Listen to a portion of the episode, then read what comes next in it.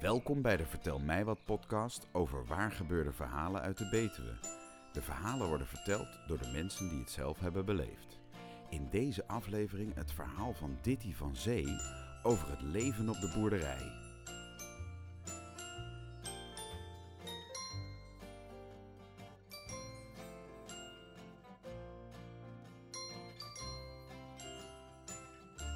In 1984 ben ik getrouwd met Govert en die zit hier vooraan.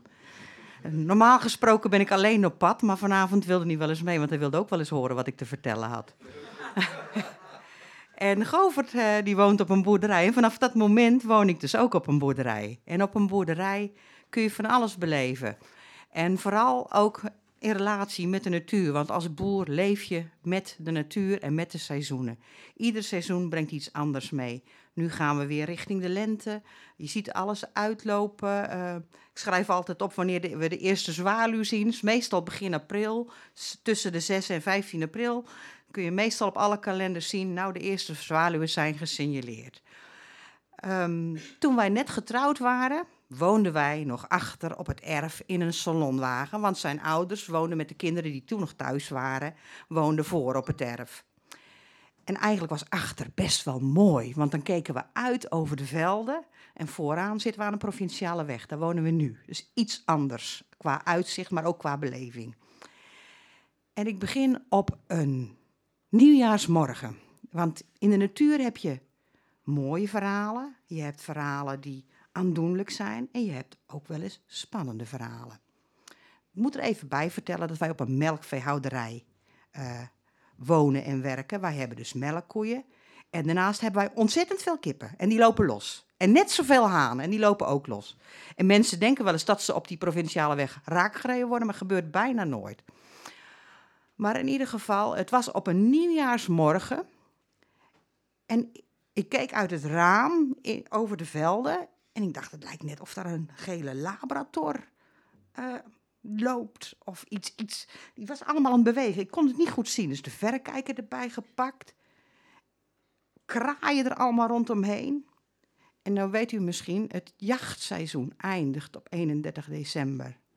En wat ik zag, was een aangeschoten haas.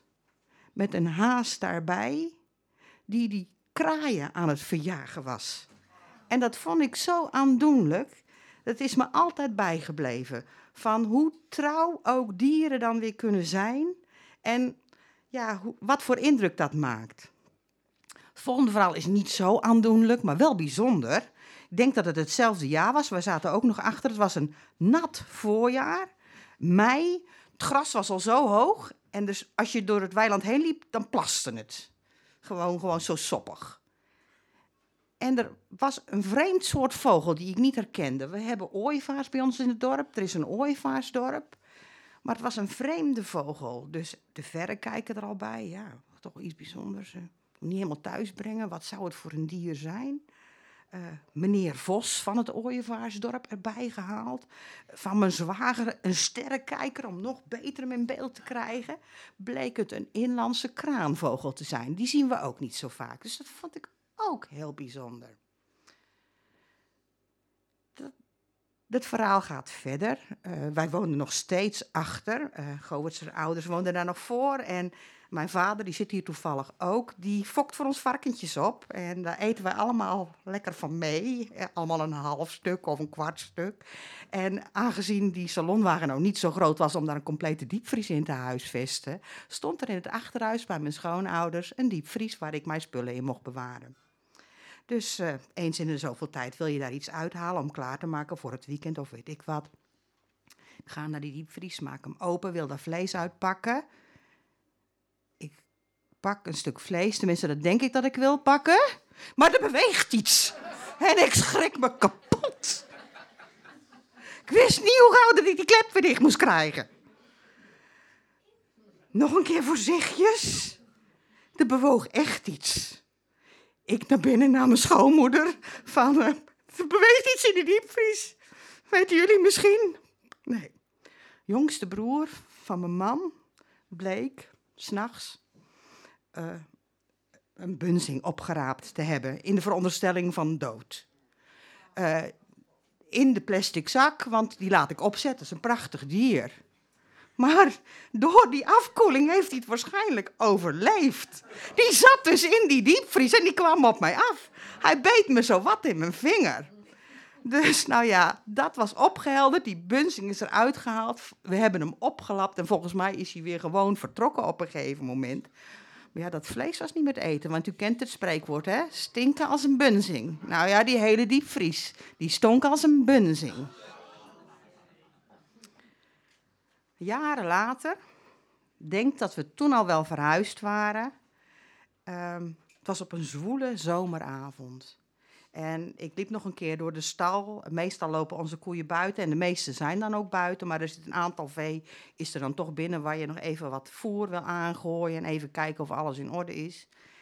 En ehm, ik loop daar. Aan de zuidkant, de deuren staan open, gewoon omdat het zo'n lekkere avond is. En opeens hoor ik een soort aanzuigend geluid. En de kippen, waar ik het daar net al over had, waar een stang voor gemaakt is die boven de roosters van de koeien zit, zodat al die stront lekker op de roosters valt en niet overal uh, elders, die houden hun adem in. En ook de aanwezige koeien. En ik laat me maar voor overvallen, want dat geluid.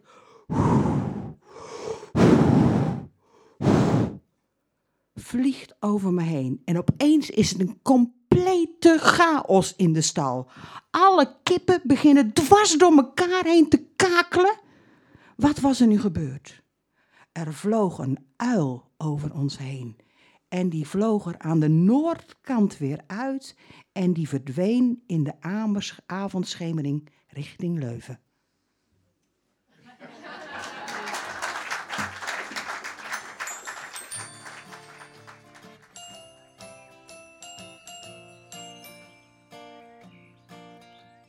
Vertel mij wat is een initiatief van Paula Smit uit het Betuwse dorpje Akkooi.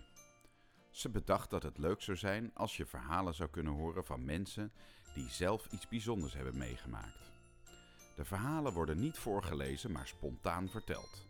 Een redactie onder leiding van Anja Kielestein selecteert vooraf de verhalen en geeft tips aan de vertellers. Tijdens elke Vertel mij wat avond treden 6 tot 8 vertellers op met hun eigen waargebeurde verhaal. En er is ook live muziek. We zijn altijd op zoek naar echte verhalen die door mensen uit de Betuwe worden verteld. Die verhalen kunnen zich overal hebben afgespeeld en ze kunnen hilarisch, historisch of ontroerend zijn. Neem contact op met ons als je een verhaal wil vertellen en kijk op onze website om te zien wanneer onze volgende vertelavond plaatsvindt. Kijk voor meer informatie op www.vertelmijwat.net. Het Vertel mij wat team wordt geleid door Charlotte Vonk. Productie van deze podcast is in handen van mijzelf, Melvin Keunings. De geluidstechniek wordt verzorgd door Roelof Krijgsman en de leader is gemaakt door Peter van de Woestijnen.